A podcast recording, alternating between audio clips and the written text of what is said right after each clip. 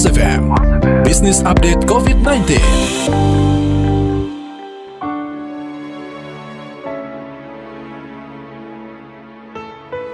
Mitra bisnis, COVID-19 memporak-porandakan tatanan bisnis yang ada.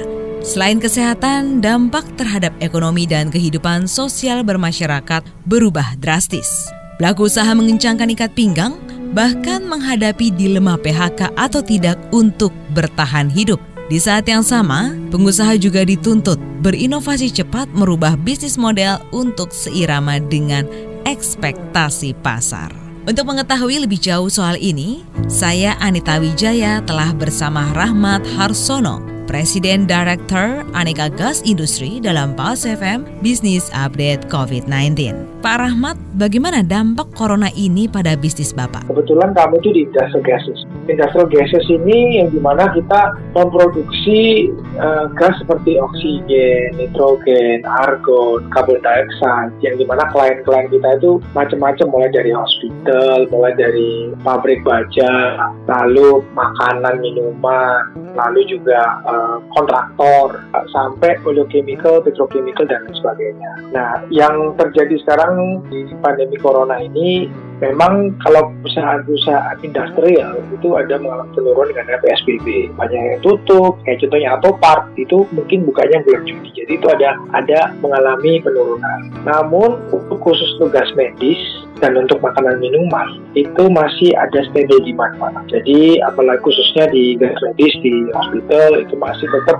mereka tetap melakukan pengambilan karena juga uh, pasien-pasien COVID juga kadang-kadang dirawat perlukan oksigen dan juga kalau makanan minuman untuk food processing juga mereka memakai nitrogen untuk nugget, untuk apa pembekuan nugget, lalu stream dan lain sebagainya. Jadi kalau saya bilang dampak corona ke bisnis bisnis kami mengalami penurunan, apalagi di kuartal 2, namun tidak sesignifikan bisnis-bisnis yang lain. Nah, apa yang Bapak lakukan untuk mengkompensasi penurunan kinerja beberapa sektor itu? Kalau kita udah mulai pivoting, jadi kita udah mulai melihat adanya new apa ya, new way of business, new way of living. Kita kan salah satu salah satu daripada sister company kita jualan chemical namanya hydrogen peroxide. Itu kebanyakan untuk industrial karena kita salah satu dari ingredient untuk disinfektan dan hand sanitizer itu adalah hydrogen peroxide. Kita dua bulan yang lalu udah mulai membuat disinfektan dan hand sanitizer salah satunya. Lalu yang kedua kita melihat bahwa orang-orang kan pada jarang mau keluar karena ada PSBB dan mereka pada karantina diri dan segala macam. Namun mereka juga mengkhawatirkan diri sendiri apabila mereka kena COVID atau kena sakit dan lain sebagainya. Mereka mempersiapkan diri adanya oksigen portable atau dinamakan dengan uh, oksigen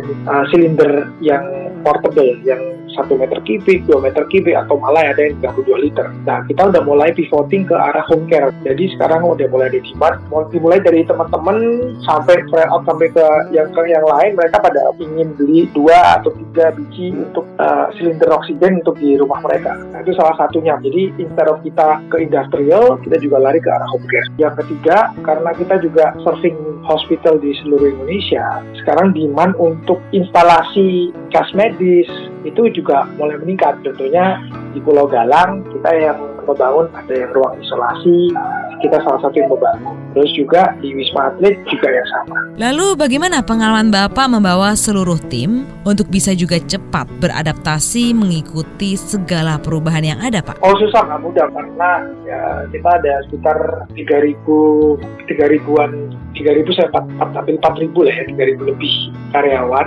yang tersebar di 26 provinsi. Tentunya dengan adanya kita nggak bisa ke mana-mana pasti menggunakan video conference. Jadi hampir tiap hari kita melakukan video conference ke cabang-cabang. Lalu setiap minggu kita ada ada nama room yang di mana mereka presentasikan strategi-strategi dibantu oleh semua direksi untuk penajaman masing-masing wilayah. Jadi setiap daripada GM maupun manajer itu memberikan permasalahannya mereka, lalu problem solvingnya uh, seperti apa, lalu gimana caranya mereka karyawan-karyawan atau pegawai-pegawai di sekitar pabrik atau di daerah pabrik yang mereka mereka kelola itu akan pasti ada beberapa masalah yang di mana mereka mungkin butuh arahan dari pusat. Nah, kita yang membantu mereka supaya mereka bisa adaptasi dengan new way of working. Jadi emang pertama-tamanya emang susah karena mereka yang punya mindsetnya jualan ribuan gitu kan ratusan atau ribuan sekali delivery ke rumah sakit tapi sekarang Contohnya kayak home care harus menjual dua biji, tiga biji uh, silinder ke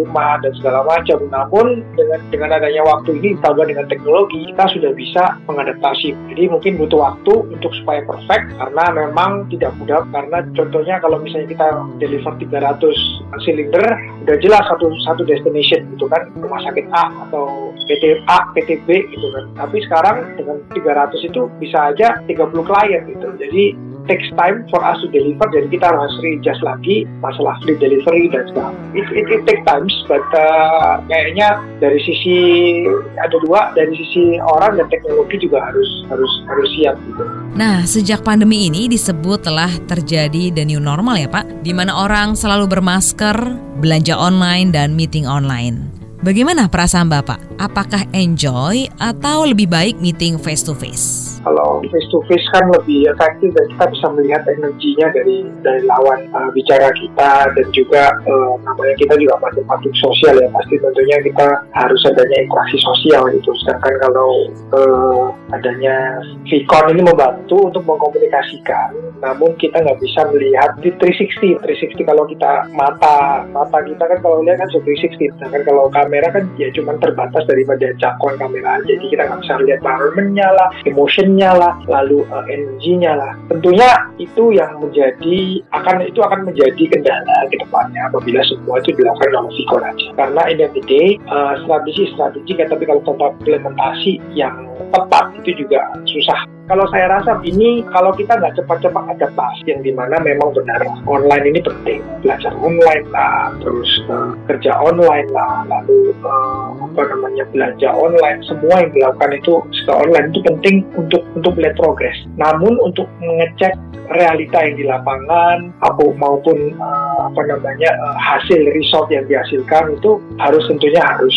keberadaan fisik. Uh, namun saya percaya bahwa manusia itu uh, makhluk yang gampang untuk adaptasi. Jadi kena kondisi apa pun pasti mereka kan bisa beradaptasi. Jadi mudah-mudahan walaupun ini kita nggak tahu berakhirnya kira-kira kapan tergantung daripada penanganan dari masing-masing pemerintah daerah atau pemerintah pusat. Namun ya mudah-mudahan selesai ini berakhir, mudah-mudahan picking up lagi ekonomi dan orang-orang juga mulai beraktivitas walaupun ada pembatasan sosial tapi mulai mulai mulai beraktivitas Demikian Rahmat Harsono, Presiden Director Aneka Gas Industri dalam Pas FM Business Update COVID-19. Saya Anita Wijaya.